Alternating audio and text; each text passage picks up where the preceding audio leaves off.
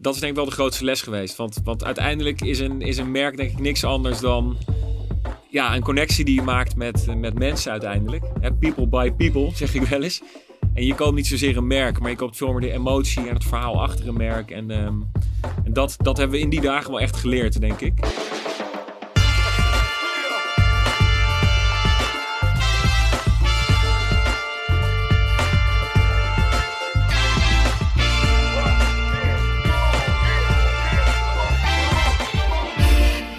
Goedemorgen, goedemiddag, goedenavond of wanneer je dit ook luistert. Welkom bij The Brief, een podcast over merken, marketing en content van Wayne Parker Kent. Mijn naam is Gerben van der Rijt. Ik ben Charlotte van Dijk. En vandaag hebben we alweer de tweede aflevering van het nieuwe jaar. Vorige keer hebben we het uitgebreid gehad over de retailtrends voor 2023. Deze keer hebben we Valentijn van Zandvoort te gast. Een man die hoopt dat retailers, en dan vooral supermarkten, veel van zijn product gaan verkopen. Um, en dat komt omdat hij werkt bij Holy Foods. Maar wat weten we eigenlijk over Holy Foods? Ja, nou, uh, Holy Foods is een uh, jong ontbijtmerk. Uh, nou ja, dat in de categorie flink probeert te schudden met het meest gezonde ontbijtproduct. In ieder geval van Nederland, maar misschien wel van de wereld. nou ja, en dat doen ze al drie jaar met veel succes. Dus ze verkopen granola en crunchy muesli. En zijn bij alle supermarkten wel te verkrijgen. Maar ze nemen ook wel een aantal prijzen al gewonnen. Dus daar zullen we het zo wel even over hebben. Maar daar kan je ze ook van kennen. Ja, en dat niet alleen. Ze zijn niet alleen goed voor de mensen met hun product, maar ook uh, goed voor de wereld. Want inmiddels al, volgens mij vanaf het begin, maar dat gaan we zo vragen, uh, zijn ze B en vallen ze op, en dat vinden wij natuurlijk leuk, met creatieve PR en campagnes. En een fris uiterlijk, fris design van het product wat ze op de markt proberen te zetten. Volgens mij hebben we genoeg om over te praten, dus laten we Valentijn uitgebreid aan de mensen voorstellen. Want wie is Valentijn van Zandvoort? In een vorig leven was Valentijn van Zandvoort gevierd merkstratege. Hij mocht vergezichten schetsen op blanco canvassen van grote merken. Maar toch miste hij de ruimte om echt te ondernemen. Hij verscheurde zijn vaste contract en begon Wonderbrief, een virtueel thuis voor digital nomads. Een bachelorparty en een trip naar Burning Man bleken de opmaat naar zijn tweede start-up. Holy Foods, een do-good ontbijtmerk. Als David tegen Goliath gaan ze de strijd aan met de evil corpus van deze wereld. In Nederland gaat dat lekker, maar hoe gaan zij de rest van de wereld veroveren? En wat krijg je allemaal op je bordje als je die grote spelers aanvalt? We vragen het vandaag allemaal aan Valentijn van Holy. Welkom. Dankjewel. Prachtige introductie. Eh. Alsjeblieft. Hoe, hoe, gaat het met je? Ja, goed. Ja? Het is uh, ja, de start van de week en uh, vanmorgen weer met veel energie begonnen met, met het team. We hebben net twee jongens aangenomen. Ja. Dat zijn onze eerste twee ja, werknemers, teammembers. Dus een hele leuke dynamiek op, op kantoor. En die zijn deze week begonnen ook echt? Uh, ja, in januari. Eentje 1 december en eentje 1 januari. Dus uh, dat, voelt, uh, dat voelt als gisteren, ja. Leuk, leuk. Ja. Dus het kleine team wordt langzaam maar zeker een beetje groter. Ja, opeens begint het serieus een bedrijfje te worden. Ja, ja het is nog wel net zo leuk als toen jullie met z'n, nou, alleen met z'n, met z'n drieën waren. ja, nee, zeker. Nog, het wordt echt, het wordt elke dag leuker, vind ik. En dit is weer een hele nieuwe dimensie ja, van het ondernemen. Dat er opeens uh, ja, echt een team begint te ontstaan. Ja, ja je kindje begint een beetje te groeien en volwassen te worden. Ja, ja, ja, stap voor stap. Ja, leuk. Nou, we gaan zo meteen uitgebreid uh, met je in gesprek over Holy Foods. En ook uh, een klein beetje nog terugblikken op wat je daarvoor allemaal hebt gedaan. Ja, leuk. maar voordat het zover is, willen we eigenlijk beginnen met een, met een vaste rubriek. Ja, want uh, na elke podcast vragen wij natuurlijk aan de gast van wat is de beste content die jij uh, het laatst gezien, geluisterd of uh, gelezen hebt. Dus daar zijn we ook heel erg benieuwd naar bij jou. Ja, nou, leuke vraag. Ook, ook geen makkelijke, denk ik. Met al die content die we de hele dag door voor onze kiezen krijgen. maar een video die mij wel heel erg is bijgebleven van de afgelopen twee weken, denk ik. Is een video waarin Ryan Reynolds, de acteur die we allemaal kennen, denk ik. Maar tevens ook ondernemer en eigenaar van Mint Mobile um, in een video zijn product promoot. En die advertentie is volledig geschreven door ChatGPT. En uh, ja, voor degenen die onder een steen hebben gelegen de laatste maanden. Ja, wat is dat? ChatGPT is, uh, ja, is, is, is een, eigenlijk de meest geavanceerde chatbot die nu op de markt is. En dat is een chatbot die je feitelijk vragen kan stellen, maar ook opdrachten kan geven. En um, die video is om meerdere redenen heel erg interessant, vind ik. Ik denk enerzijds omdat zij heel slim als groot merk heel snel hebben ingespeeld ja, op een culturele trend die je zag, dat heel veel mensen op social media openlijk gingen experimenteren met de mogelijkheden van die chatbot. Um, en dat heeft ze ontzettend veel ja, verdiende aandacht opgeleverd. Want hè, they were the first brand die, uh, die iets met een AI-powered tool deed en dat ook durfde te doen. Uh, maar anderzijds vond ik het ook heel interessant, omdat het eigenlijk aanzet tot nadenken ja, rondom een grotere vraag. Namelijk, welke rol gaat, gaat artificiële intelligentie spelen in ons leven in, in de nabije toekomst? En, en welke rol speelt het eigenlijk al stiekem in ons leven? Dus dat, eh, ja, die video inspireerde me wel eh, wat, wat dat betreft. Was het ook een goede commercial? Nou ja, het, het was bijna geen commercial. En, en om eerlijk te zijn vind ik dat de leukste commercials. Die niet voelen als reclame, maar die gewoon voelen als entertaining content of intrigerende content. Ja. Ja, waar je even van moet nadenken of van moet glimlachen.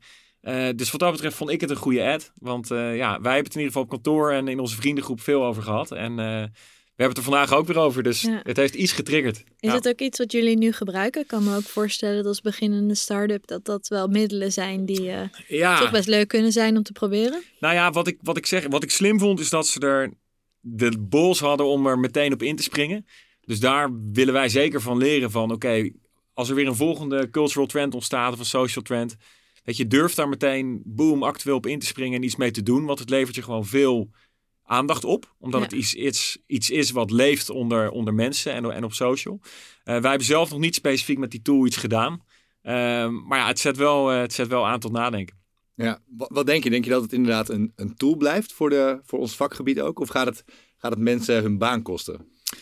Nou, ik denk dat het, dat het in de grotere context wel degelijk op een gegeven moment een bepaald soort type baan gaat vervangen, AI. Um, maar ik denk als we het over ons vak hebben, uh, hè, of het nou reclame is, content maken, merken bouwen, zal altijd creativiteit de kern zijn van wat we doen. En ik denk, hoe slim een tool ook is, hoe geavanceerd die ook is, je zal altijd die human touch nodig hebben en die, die menselijke creativiteit.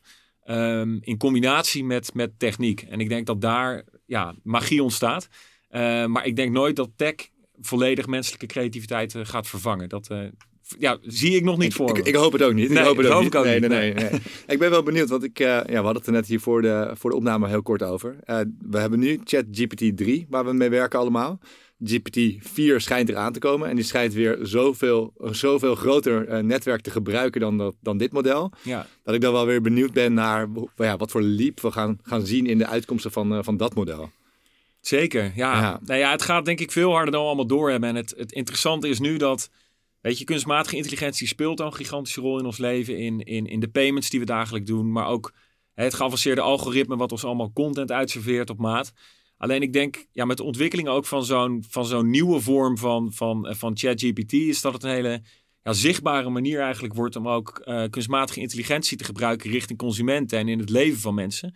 En dat is wel echt een ja, verandering, denk ik, ten opzichte van, let's say, twee jaar geleden. Is dat het niet meer verstopt zit in de systemen die we gebruiken. Of in de apps die we gebruiken. Nee. Maar dat het een hele zichtbare, bruikbare consumententool begint te worden. En ja, dat, eigenlijk zie ik dat wel met heel veel enthousiasme tegemoet. Hoe, Ja. hoe zich dat gaat De, de ontwikkelen. Google Killer wordt die ook al genoemd. Ja, ja.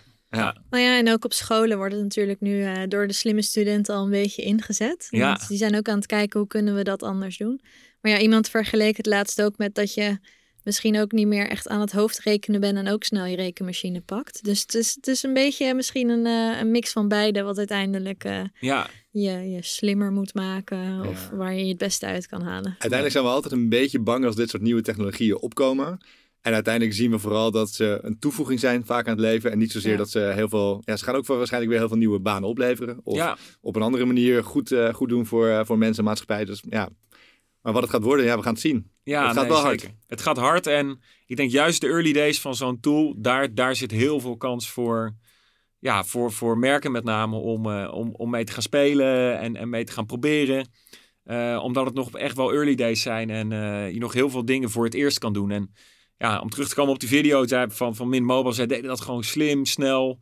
En dan is Ryan Reynolds, die, ja, die kopt dat glansrijk in als eh, gevierd Ja. acteur. Eh, dus die combi was, eh, was geweldig, ja. Ja, dat uithangbord, dat heeft ze ook wel geholpen natuurlijk. ja, absoluut. Die, Ja. Die, die, ja, dat is de mix. Dat, Maar eh, jullie hebben, jullie hebben nog niet in ChatGPT, aan ChatGPT gevraagd van... Goh, geef een contentkalender voor de maand januari. nee, nee, nog niet gedaan. Maar ja, let's do it. Misschien vanavond. Ja, Oké, dank voor je tip. We, dankjewel. we, knappen hem, we klappen hem in de show notes, zoals altijd.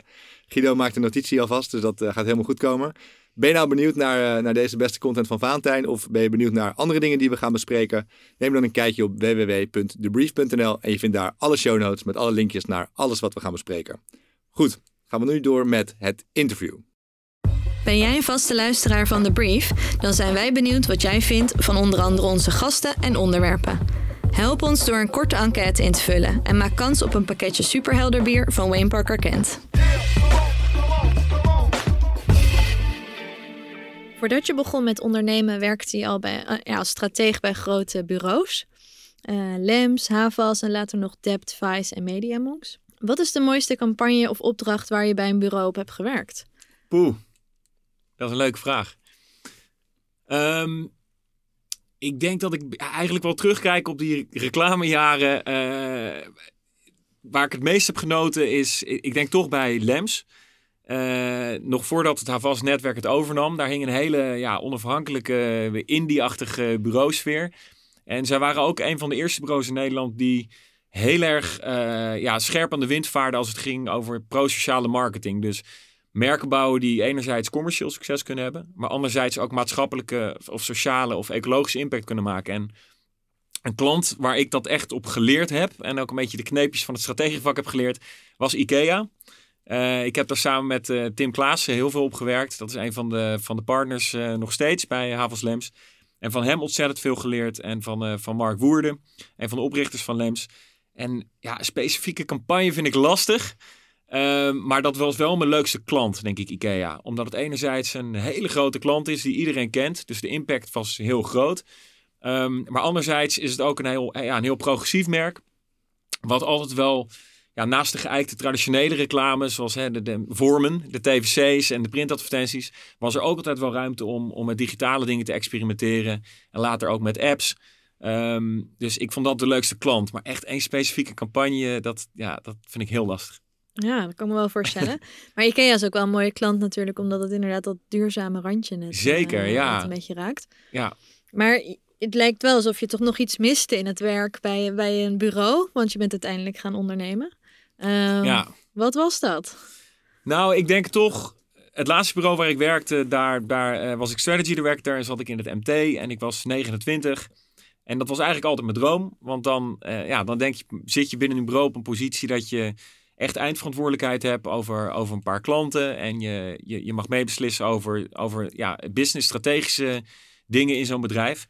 Maar toch voelde ik nog ja, me enerzijds, uh, enerzijds een beetje ja, geremd uh, in, mijn, in mijn autonome denken en handelen. Omdat je toch onderdeel blijft van een, van een bestaande structuur. In dit geval was het ook een netwerkbureau, dus wij moesten verantwoordelijkheid afleggen aan uh, Havas, het netwerk uit Frankrijk. En ik, ik voelde me toch nog niet helemaal vrij om, ja, om echt te ondernemen. En om zonder eigenlijk enige verantwoording af te leggen aan, aan andere keuzes te maken waarvan ik dacht dat dat, dat de juiste waren. Dus toen heb ik inderdaad ontslag genomen en toen, toen ben ik gaan freelancen initieel. En daar vond ik wel heel snel veel meer vrijheid in, ja, in mijn werk en, en ook in mijn day-to-day -day leven. Want je, ja, je, je zit opeens veel flexibeler in de wedstrijd als, als freelancer. Ja, maar dat was nog niet genoeg voor je. Want toen begon je, naast het freelancen, begon je ook Wonderbrief. Ja, klopt. En dat, dat is eigenlijk een bedrijf wat is ontstaan uh, uit, een, uit een idee wat, wat, wat een hele goede vriend van mij, Mark van der Heijden, ooit is begonnen. Hij was een oud collega mm -hmm. bij Lems en daar zijn we hele goede, goede maten geworden. En hij uh, voelde ook een beetje die, ja, dat beklemmende van, uh, van de structuur en, en, en, en het cursuslife van de reclame in Amsterdam. En hij is toen de wereld rond gaan reizen met een concept dat heette de Backpacker Intern. En hij um, wilde zijn diensten ruilen voor onderdak en eten. En zo is hij in twee jaar lang op alle zeven continenten geweest. En heeft hij uh, nou, bij echt tientallen bedrijven gewerkt op elk continent. Waarbij hij zijn copyright en zijn concepting skills ruilde voor onderdak en eten. En dat liep... couchsurfing voor professionals. Exact, ja. ja. En dat, dat liep volledig uit de klauwen. En uh, daar heeft ontzettend veel PR uh, mee gegenereerd. En hij kwam toen terug van die reis. En wij zijn altijd in contact gebleven en vrienden gebleven. En zijn mailbox was echt opgeblazen met e-mails van mensen over de hele wereld... die ook zo'n experience wilden. En toen dachten we, shit, daar moeten we wat mee doen. Want hier zit volgens mij business in. Als er zoveel vraag is voor, voor mensen, voor creatieve freelancers die het ook willen doen... dan, uh, dan zit daar wat in. En dat hebben we toen drie tot vier jaar eigenlijk met heel veel plezier gedaan. En wij bouwden een platform waarbij we andere mensen hielpen om eigenlijk ook ja, die digital nomad lifestyle te leven. En de leuke upside daarvan was dat wij ook drie jaar lang zelf die digital nomad life hebben geleefd. Dus wij moesten leven. Moesten leven, ja. En, en ja, dat was betekent, straf. Ja, het was, was een straf.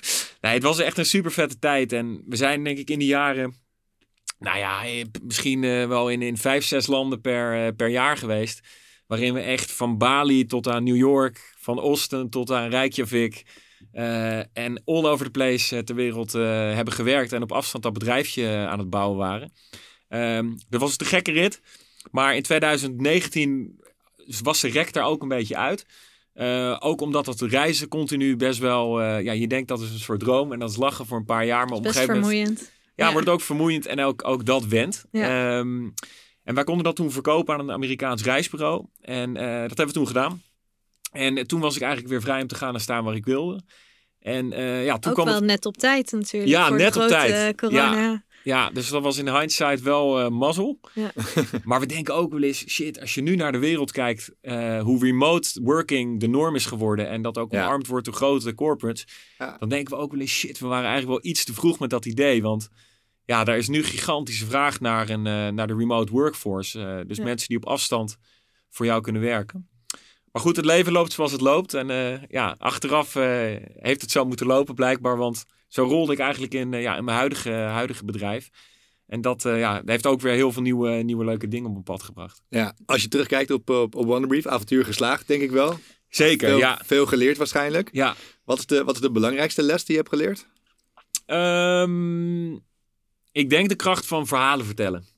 En dat, dat had ik in de reclame al wel een beetje ja, door in de loop der jaren. Ja. Dat daar echt, eh, echt de kern zat van ja, goed, goede communicatie of een goed, gewoon een goede, goede boodschap overbrengen naar, naar, naar een doelgroep. Alleen we merkten met dat Wonderbrief, daar waren wij zo zeg maar at the center van, van wat we aan het doen waren. Dus wij deelden ook continu wat we aan het, aan het doen waren op social en heel veel public speaking gedaan en workshops gedaan op, op grote reclamefestivals. En het ging er altijd vanuit de kracht van de verhalen vertellen waarom we dat deden en wat een andere cultuur ons dan bracht als we in Barcelona aan het werk waren een paar weken of in, of in, eh, ja, of in IJsland eh, een paar weken aan het werken waren. En wij bleven ontzettend dicht bij onszelf en waarom we dat deden en waarom dat leven en dat werk ons verrijkte. En daardoor konden we denk ik heel goed overbrengen op, op de mensen die we onderdeel wilden maken van dat bedrijf. Ehm, zowel aan werkgeverszijde die het tof vonden om met ons klussen te doen. Mhm. Maar ook zeker aan de cre- creatieve freelancerzijde. Van eh, ja, jongens en meisjes en mannen en vrouwen die dachten van... hé, hey, dat, is, dat is ook tof man, dat wil ik ook. En ik, ik, ik voel dat wel, ik voel die, die reislust combineren met werk. Eh, dus echt kracht van, van verhalen vertellen en denk ik ja, het ook heel authentiek brengen en dicht bij, bij jezelf Ja, ik, want ik hoor inderdaad verhalen vertellen, hoor ik je zeggen. Maar ik hoor ook dat het heel persoonlijk maken juist. Ja. Juist vanuit je eigen ervaring dingen delen. Ja, Dat ja. dat ook gewoon resoneert dan bij andere mensen. Ja, het, heel, eh, ja, het eigenlijk heel echt en heel dicht bij, eh, ja, bij jezelf houden. Ja. Dat, dat is denk ik wel de grootste les geweest. Want, want uiteindelijk is een, is een merk denk ik niks anders dan ja, een connectie die je maakt met, eh, met mensen uiteindelijk. Hè, People by people, zeg ik wel eens. En je koopt niet zozeer een merk, maar je koopt veel meer de emotie en het verhaal achter een merk. En, ehm, en dat, dat hebben we in die dagen wel echt geleerd, denk ik. En ehm, dat neem ik nog steeds mee in mijn huidige, in mijn huidige ja, baan. Ja. Ja. Ja. leuk, mooie les. Ja, zeker. En nou ja, je, zei net al, toen rolde je vervolgens in je, je tweede start-up, Ja. ehm, Holy Foods. Je was niet vanaf het begin, begin eh, bij Holy eh, aanwezig eigenlijk. Nee, nee, Dat kwam eigenlijk een beetje later toen Holy al op zijn rails was. klopt. Dat, daar zit wel een sterk verhaal achter, begrepen we. Hoe is dat zo Ja. gekomen? Nou ja, het is een leuk verhaal. Holy is in, in, in eh, april 2018 eigenlijk begonnen. En dat is begonnen eigenlijk bij een van mijn co-founders, Merik Schouten. En Merik Schouten die werkte bij een grote retailer in Nederland. Met ontzettend veel plezier heeft hij daar eh, lang eh, onder andere ook category management eh, gedaan. En hij heeft daar jarenlang ehm, met heel veel kleine, middelgrote en grote food corporates gewerkt. En daar heeft hij ontzettend veel geleerd, maar daar zag hij ook en ervaarde hij ook aan de levende lijve dat grote voedingsbedrijven de gezondheid van mens en planeet niet altijd even serieus nemen. En dat er eigenlijk alleen maar wordt gestuurd op winstmaximalisatie. Wat vaak dan weer ten koste gaat van de gezondheid van mensen. En hij had ook een ondernemersdroom. Dus hij eh, is in april 2018 gestart aan de keukentafel. Met het idee om een ja, progressief voedingsbedrijf in de markt te zetten. wat de gezondheid van mensen wel serieus nam. En dat was niet meer dan een idee eigenlijk. Ehm, hij heeft toen een voedingstechnoloog aangehaakt. eh, en samen met hem is hij de eerste producten gaan ontwikkelen. En die lagen niet veel later, ik denk een maand of zes later, eh, op het schap. En dat was de granola. Ja, dat waren nog kids cereals. Eh, Dat is nog de voorloper van, eh, van de huidige granola-lijn. En die hebben ze gelanceerd. En dat ging eigenlijk best wel opportunistisch uh, in, uh, in retrospect. Um, maar ze waren wel los. Ze waren begonnen. En toen waren ze in een goed jaar onderweg. En toen kwamen ze er eigenlijk achter dat ze nog een gat hadden in het founding team op ja, merkbouwen en op marketing en op PR. Omdat je ook ziet dat die FMCG-wereld, met name in retail, in offline retail, uh, ook een, ja, een, echt een wereld is van merken bouwen. En je onderscheiden op, op merk. En wij kenden elkaar al uit onze studententijd. En we zijn eigenlijk weer bij elkaar gekomen omdat we samen een bachelor aan het organiseren waren van een hele goede gemeenschappelijke vriend. En omdat we inderdaad uh, een zomer van 2019 uh, naar Californië zijn gevlogen en een week in de woestijn hebben staan dansen bij Burning Man. En hij zegt wel, gek, wel eens gekscherend, na die week was ik opeens een deel van mijn bedrijf kwijt en zat Valentijn op kantoor. Nou, zo is het niet helemaal gegaan. maar toch een beetje. maar toch een beetje. en ja, in de, in de winter van 2019 ben ik als derde partner aan boord gekomen, ingekocht. En toen zijn we ook echt all in gegaan. Toen hebben we gezegd, we stoppen met alle freelance klussen. En toen zijn we fulltime uh, aan de slag gegaan met Holy. En uh, dat uh, ja, zijn we nu toch dik drie jaar aan het doen. Ja, en wat trof je toen aan? Waar stond het bedrijf toen? Nou, ik trof een bedrijf wel met ontzettend veel potentie. want ik vond het al mega knap dat ze op eigen kracht binnen een jaar ja, bij grote retailers al, al binnen waren. Met ook een, een product wat echt gezond was en wat lekker was. En eh, daar was ik met name van onder de indruk. Want je ziet vaak dat als iets gezond is, dat dat toch inlevert op smaak. Omdat er vaak suiker uitgehaald wordt, wat we allemaal wel ja, ontzettend lekker vinden. Um, dus ik vond dat er een heel knap product stond. Maar tegelijkertijd zag ik gigantische potentie nog op de, op de positionering van het merk. Um, want die, ja, die zwabberde nog een beetje. En uh, ja, daar raakten we eigenlijk op een hele organische manier uh, mee, mee, mee gesprek met elkaar, over in gesprek met elkaar. En, en ja, dat waren ook een beetje de, de early days dat we dachten van... hey, misschien kan het wel eens gaan werken als wij, als wij samen gaan werken. En dat, ja, dat bleek een hele complementaire samenwerking tussen mij en Merik. Ja. Um, dus dat was ook een beetje een gokje, maar dat, dat heeft goed uitgepakt, uh, ja. gelukkig. Ja. En, en, wat was dan precies die aanscherping van de positionering waarbij jij dacht van hé, hey, dat gaan we toch even een, net een andere kant op draaien? Nou, ik denk dat we in het begin echt ja, nog het idee hadden van, van we, we willen een vegan food brand zijn, wat eigenlijk in alle categorieën een relevante, relevant en gezond alternatief gaan brengen. En ik vond het veel interessanter om te kijken hoe kunnen we in één categorie echt een duidelijke een challenger positie innemen tegen de gevestigde orde. Zowel op productniveau, dus iets gezonders neer gaan zetten ten opzichte van een ongezond product. Ja. Maar ook op merkniveau echt gaan breken met de status quo die zo'n categorie op heeft gebouwd omdat dat dan veel duidelijker wordt voor onszelf. Uh, wie we zijn en, en wat voor producten we willen ontwikkelen. Maar nog veel belangrijker voor een consument wordt het veel duidelijker wat voor positie je nou inneemt in de markt.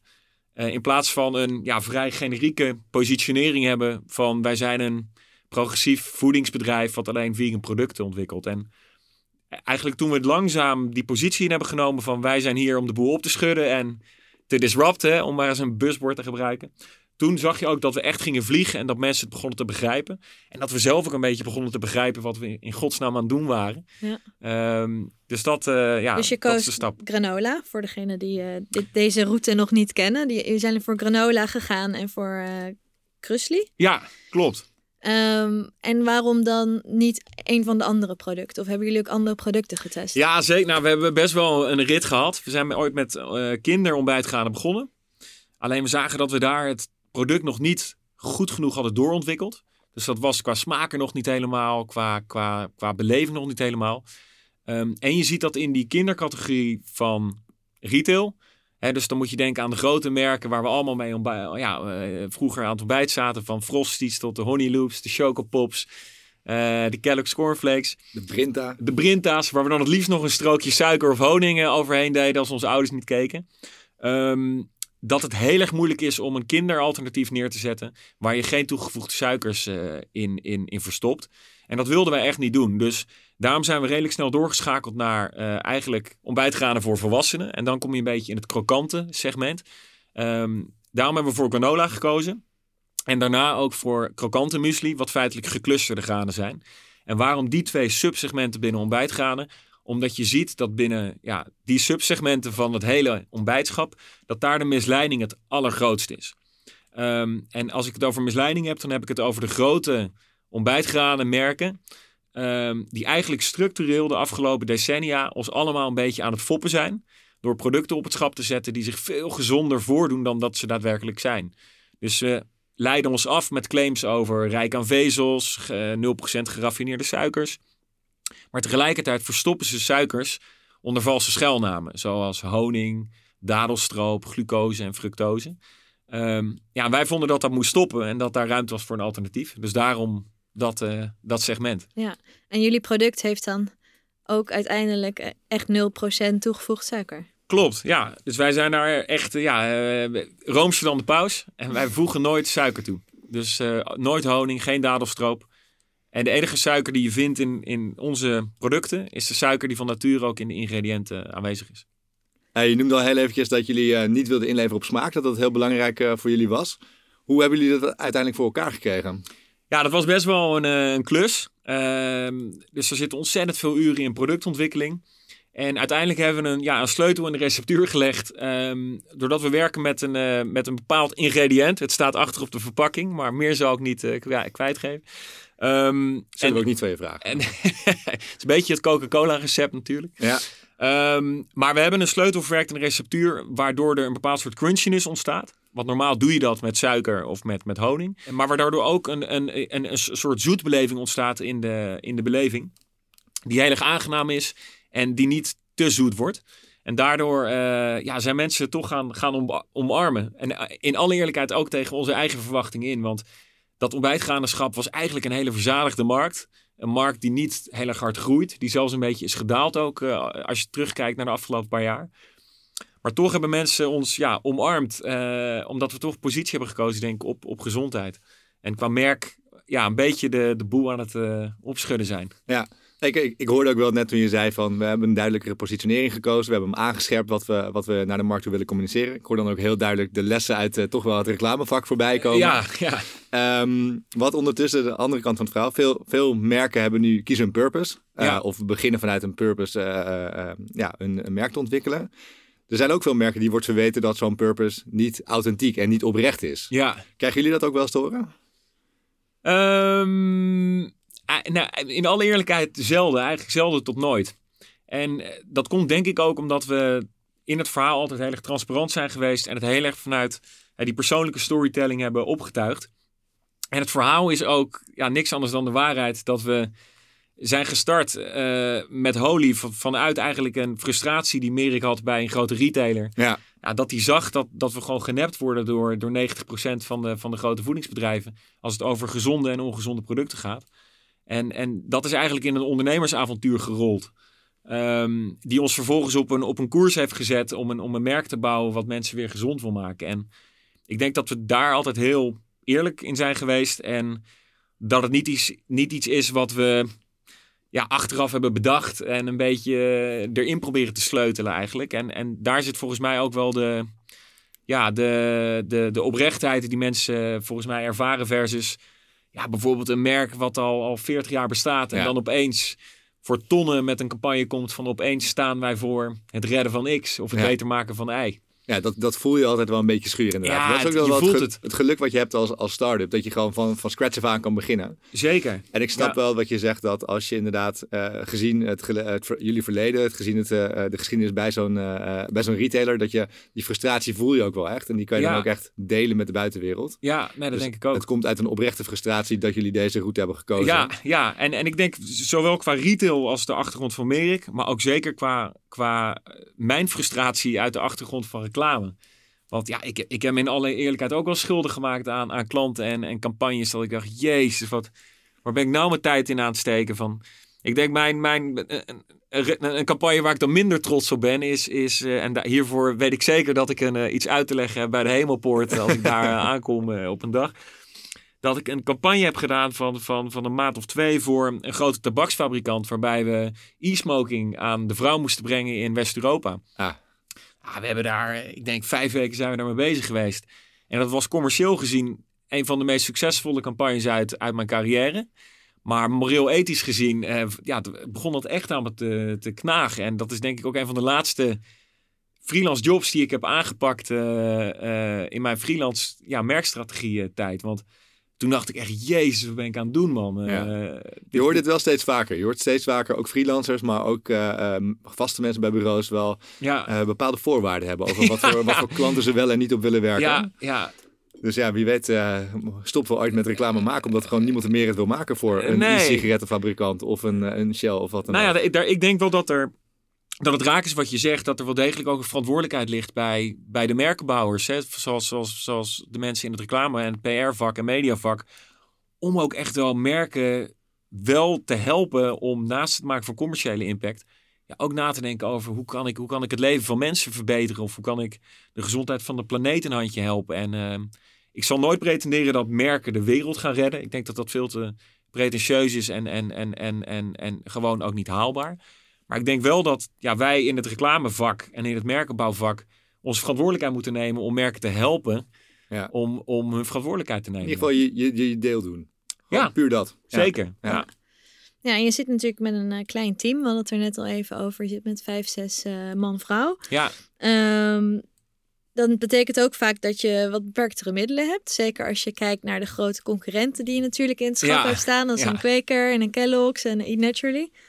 Ehm, daar moet je wel een beetje slim mee omgaan met dat beperkte marketingbudget. Klopt, ja. Heb je een voorbeeld hoe jullie hier invulling aan geven? Ehm, ja, ik heb een goed voorbeeld. Ik denk het eerste wat ik erover wil zeggen. Ik vind het eigenlijk een blessing in disguise dat we niet zoveel budget hebben. Want ik denk dat eigenlijk ja, noodzaak drijft je heel vaak tot, tot, het, het, het, het, ja, tot, tot creativiteit echt gebruiken. Ehm, en ik denk een manier waarop wij dat doen is, is dat we eigenlijk altijd ideeën willen, ja, willen, willen aanpakken die sneuvelen in de boardroom, zeggen we wel eens. Uh, en een mooi voorbeeld daarvan is een laatste campagne die we hebben gedaan, of een initiatief zou ik het liever uh, willen noemen, in november vorig jaar. En dat was een initiatief van ons dat we een uh, petitie hebben gelanceerd om ontbijtgranen die meer dan 5 gram suiker bevatten, een suikerbelasting op te leggen.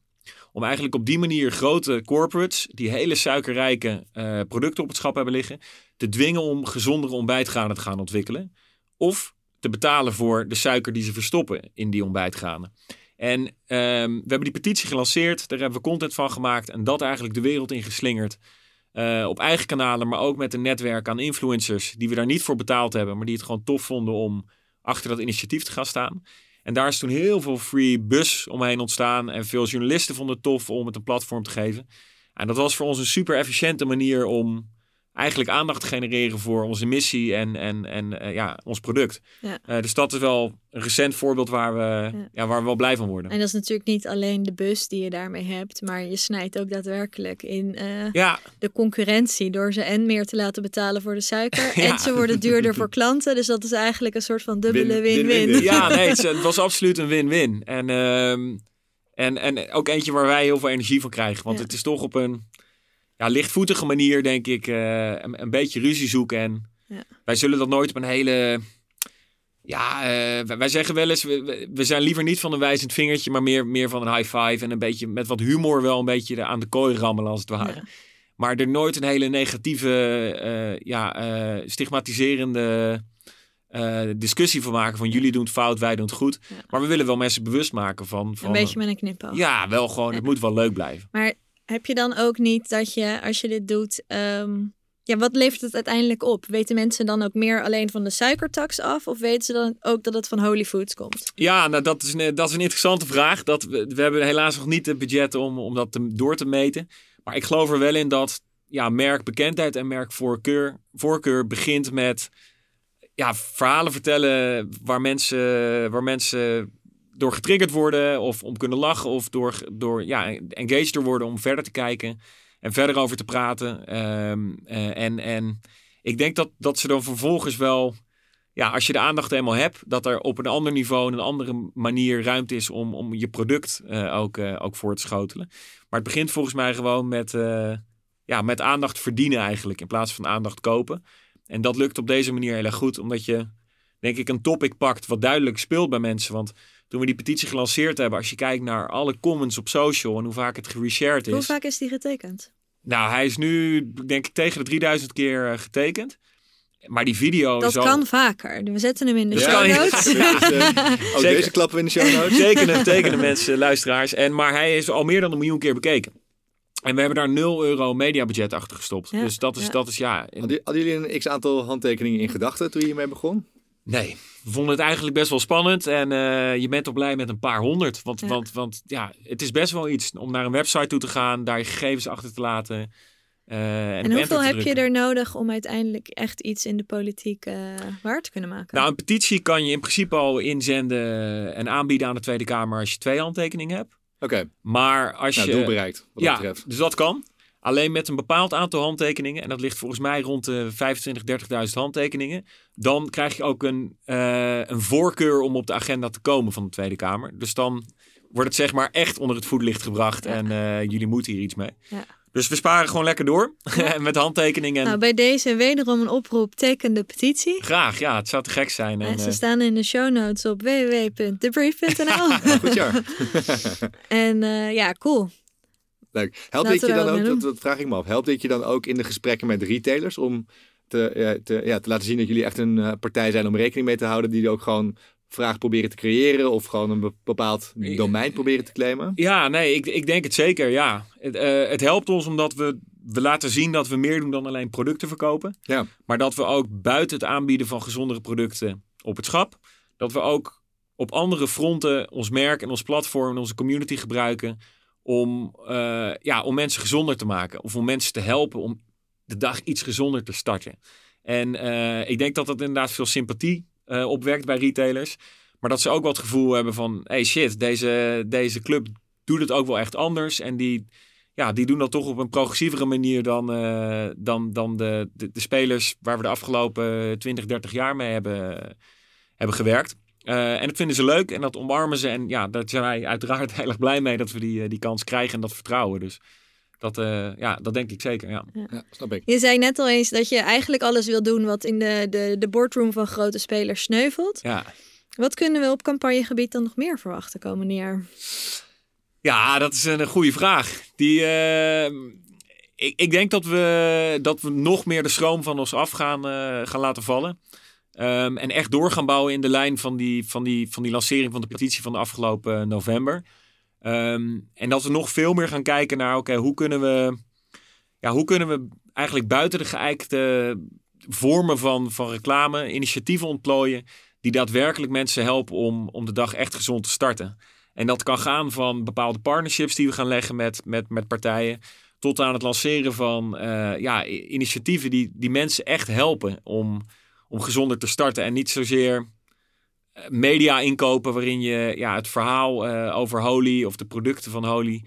eh, eigenlijk heel erg ja, mensen door de maag gaat splitsen. En de aandacht als het ware maar gaat, gaat kopen. Maar veel meer aandacht ja, verdienen ja, door gewoon leuke creatieve dingen te doen die, die bijdragen aan die, aan die missie. Ik denk dat we daar steeds meer naartoe gaan. En hopelijk steeds meer lol erin en steeds, ja, steeds, met, eh, steeds minder angst eh, dingen doen. Ja. Als ik hier zo hoor praten, hebben jullie in ieder geval een hoop lol inderdaad. Dus dat is Eh, ja, een voorwaarde zeker. voor succes. Ja, En we hebben het al eh, gehad over campagnes en PR en, en die kant van het verhaal. Maar om je te onderscheiden, zeker bij een, bij een retailer en zeker als het schap heel belangrijk is, is packaging design volgens mij ook heel belangrijk. Hoe kijken jullie daarnaar? Hoe proberen jullie op dat, op dat vlak te onderscheiden? ja, ik denk ook daar breken we echt met eh, de conventie die de categorie heeft opgebouwd de laatste jaren. Wat, wat is die conventie? Hoe zou Ah, je die- die omschrijven? De conventie is dat je een, een ontbijtbox ziet. Met daarop eh, een, eh, ja, een wereld van ontbijtgranen en vaak een kok erbij. Die, die honing druipt over een mooie bakplaat van eh, goud, eh, goudgeel geroosterde granen. Een packaging met ontzettend veel claims over hoe gezond dat product wel niet is. Ehm, en wij doen dat compleet anders. Wij gaan voor ontzettend veel kleur. Wij gaan voor heel erg weinig claims eh, waar het gaat over eh, bepaalde gezondheidsbenefits. Dus bij ons zie je alleen 0% added sugar. Ehm, en achterop, waar 9 van de 10 spelers gaat praten over recepturen. Of waarom hun ontbijtgranen de allerknapperigste zijn of de meest vezelrijke. Vertellen we eigenlijk maar één verhaal. En dat is het feit dat wij ontbijtgranen hebben waar we nooit suiker aan toevoegen. Maar dat doen we wel op een hele visuele manier.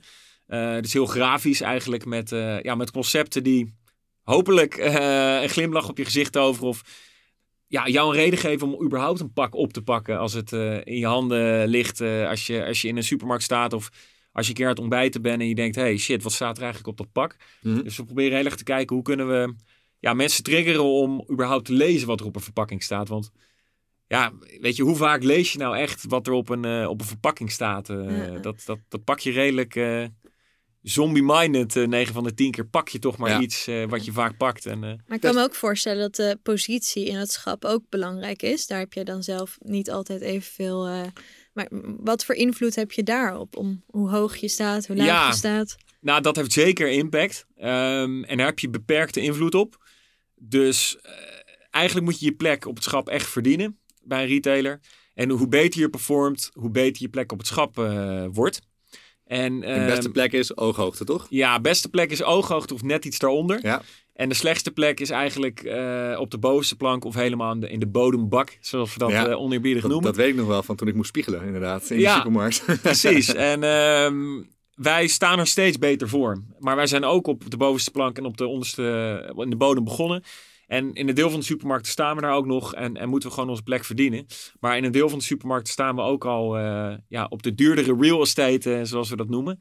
Eh, maar dat is echt een, ja, je moet echt je plek verdienen. En dat is een, er kan er best wel een, een rigoureus eh, dynamiek zijn. Van, wij hebben ook producten gehad die het gewoon niet gered hebben. Dus ja, hè, op social media gaat het altijd heel erg goed.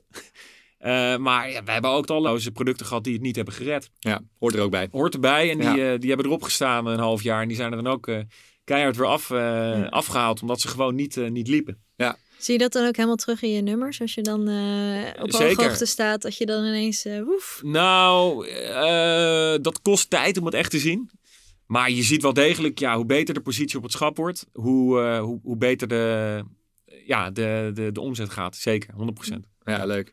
En kijken jullie dan ook naar bij het ontwerpen van zo'n eh, van zo'n verpakking? Je wilt natuurlijk met conventies breken, je wil opvallen tussen de, de concurrenten in het schap. Ja, Kijk je ook, doen jullie ook veel testen bijvoorbeeld? Om te kijken of bepaalde kleuren aandacht trekken of bepaalde designs inderdaad wel echt werken? Ja, nou om in eerlijke eerlijkheid gebied te zeggen dat in de early days dat we dat echt 99% op intuïtie deden.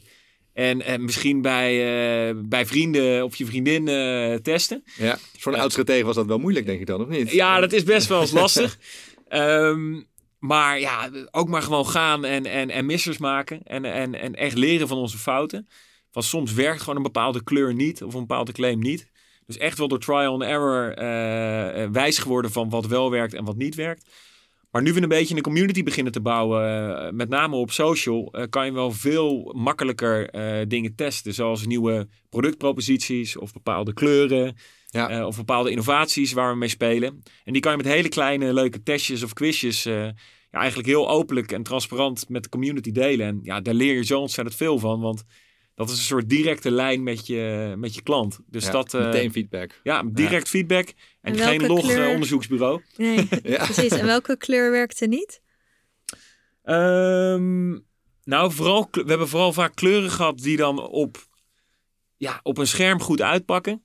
Maar die dan, die dan toch te vaal waren uiteindelijk. En te, die niet hard genoeg popten. Ah, ja. Dus daar hebben we dan toch een compromis gesloten op, eh, op opvallen. Omdat we toch een beetje terughoudend waren van ja, eh, laat ik je een voorbeeld geven. eh, onze Protein Crunch variant. Nou, daar hebben we best wel getwijfeld over, over de kleur. Want dat, dat is, een, dat is een, echt een felle, ja, licht, lichtblauwe, scherpe mm, kleur in je gezicht. En dat is niet echt een kleur die je vaak in food ziet. Dat zijn vaak meer de, eh, kleuren groen en, eh, en de kleuren rood. Eh, dus wij dachten, ja shit, gaat dit wel werken, weet je wel. Zo'n kleur en zo uitgesproken, met een hele uitgesproken illustratie van een, van een biceps zie je daar met 20% proteïne erin. Nou, daar hebben we echt lang over gebakkeleid eh, eh, voordat we dat lanceerden. En dat is nu onze hardslopende variant. En dat, dat, ding, dat ding knalt letterlijk van schap af.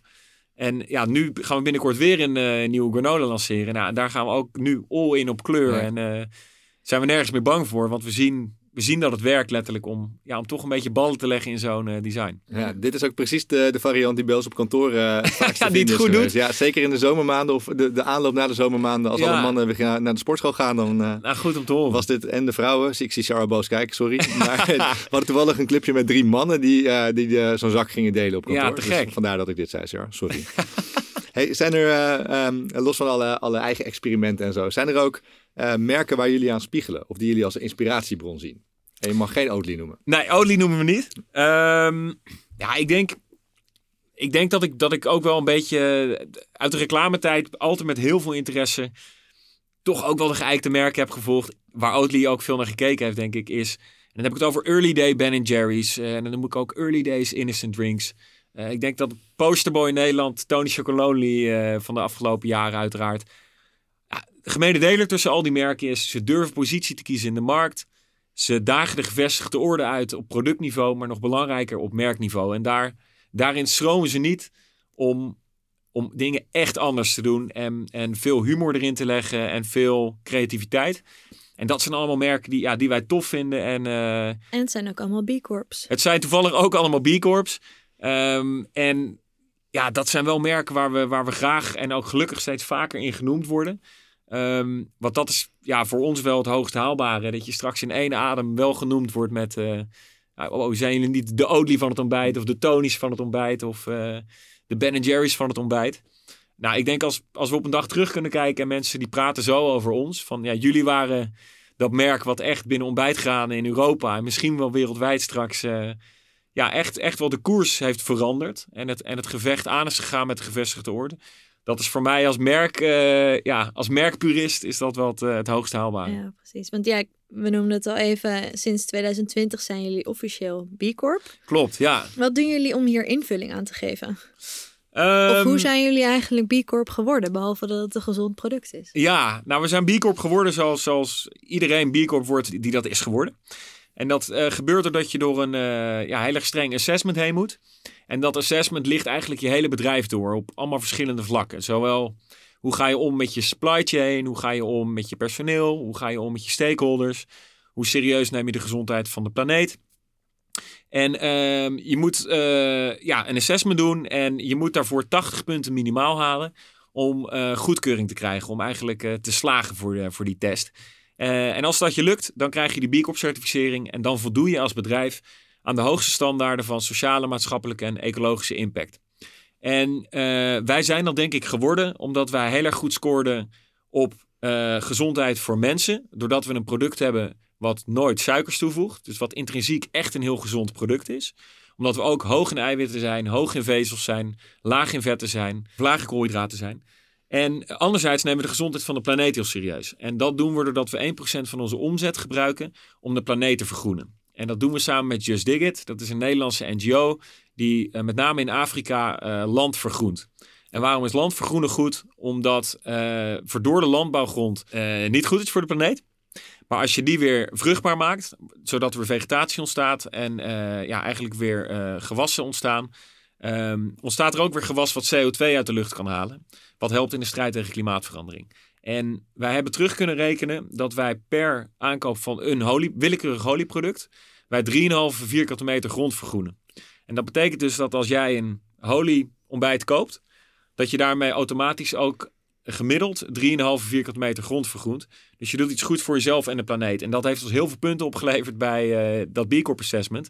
Ja, omdat je eigenlijk ook een deel van je commerciële impact gebruikt om duurzame impact te maken. Ja, mooi toch doe je toch wat goeds hè, als, je, als je toch wat koopt. Ja, precies. En hoe ziet jullie merkstrategie er dan de komende jaren uit? Want wij zaten ook een beetje te bedenken van, nou ja, jullie zijn, hebben nu alles gedaan zonder echte externe investeringen. Ja. Er komt natuurlijk, tenminste dat lijkt mij logisch, een moment dat je denkt, oké, okay, we willen echt groeien, merk bouwen, uh, nieuwe doelgroepen aantrekken. Ja. Uh, vaak heb je daar toch externe investering voor nodig. Uh, zoals je al zei, we hebben hier ook met Oatly in de studio gezeten die met Blackstone uh, in ja. zee zijn gegaan. Ja.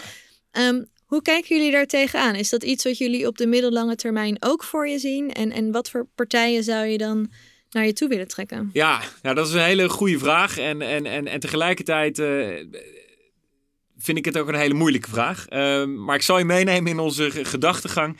Op dit moment kunnen we, kunnen we eigenlijk alles nog financieren uit de groei die we doormaken met Holy. Dat betekent dat alle, ja, alle, alle groei die we op dit moment realiseren en de investeringen die we doen bij retailers, maar ook nu in het aannemen van onze eerste twee, uh, twee hires, kunnen we nog doen uit, uit eigenlijk ja, de omzet die we nu genereren met, met het merk en het product op dit moment.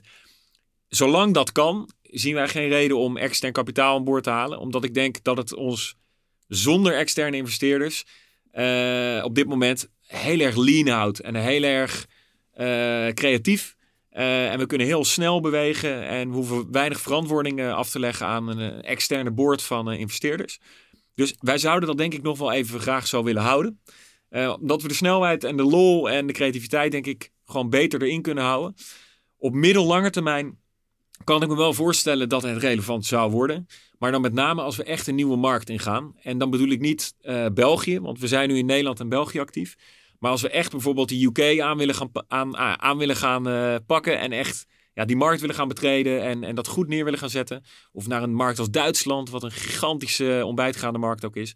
Dan kan ik me voorstellen dat je daar wel een oorlogskas voor nodig hebt om ook lokaal een team te bouwen en lokaal ook ja, budget te hebben om te investeren in, in, het, in het bouwen van je merk. Um, want om dat puur uit een ja, bootstrapped uh, positie te doen, zoals ze dat noemen, dat lijkt me best wel lastig. Uh, maar ja, zeg nooit nooit. Je weet nooit hoe hard het kan gaan. Maar... Ja, dus we hoeven voorlopig in Nederland nog geen uh, commercials te verwachten. Ik denk het, nee, ik denk het nog niet. Nee. Dat is jammer, want we zien concurrenten van jullie, zien we ondertussen wel al tv-commercials lanceren.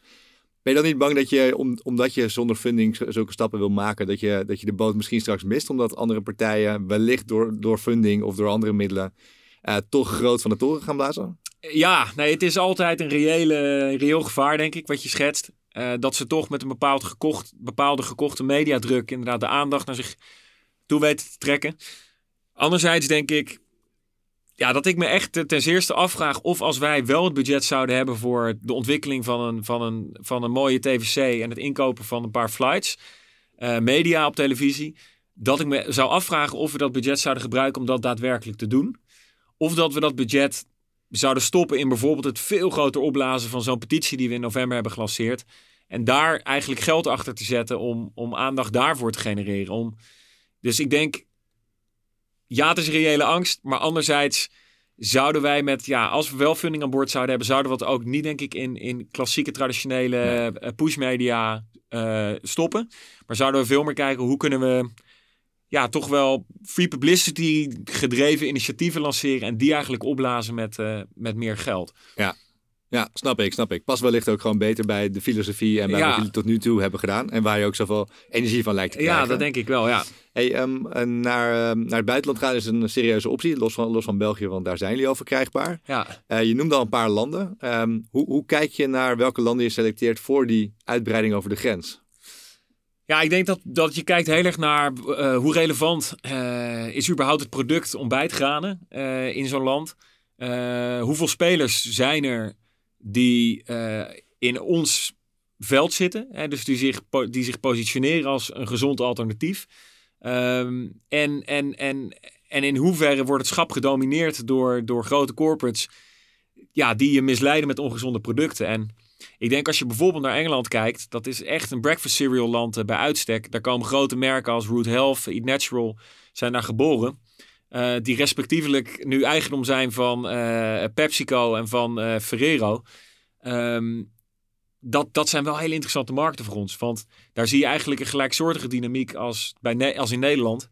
Waar grote corporates dat schap domineren met relatief ongezonde producten. Dus waar er heel veel ruimte is voor een, ja, voor een speler die... Uh, voor jullie verhaal. Ja, voor ons verhaal en, en, ons, en ons gezondere alternatief. Dus zo proberen we wel naar markten te kijken waar, uh, ja, waar, waar, waar die relevantie ook, uh, ook zal zijn voor wat we aan het doen zijn.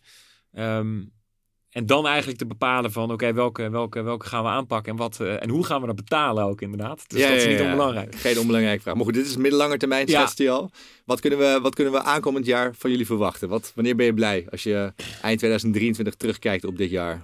Ik denk, um, ja, als... als, als 30.000 petities. Sowieso. ik denk dat, nou, dat de petitie echt op de agenda van, uh, van, uh, van uh, de Nederlandse politiek is gekomen, lijkt me echt schitterend als het ons gelukt is, als je echt ja, je merk kan gebruiken en je community om politieke invloed te hebben voor ja, verandering, uh, voor positieve verandering. Kijken jullie dan ook naar, naar politieke figuren als influencers voor dit soort campagnes? Nou, het is wel interessant. Ik heb toevallig met, uh, met Laurens Dassen van Volt hier uh, ja. over, over gesproken.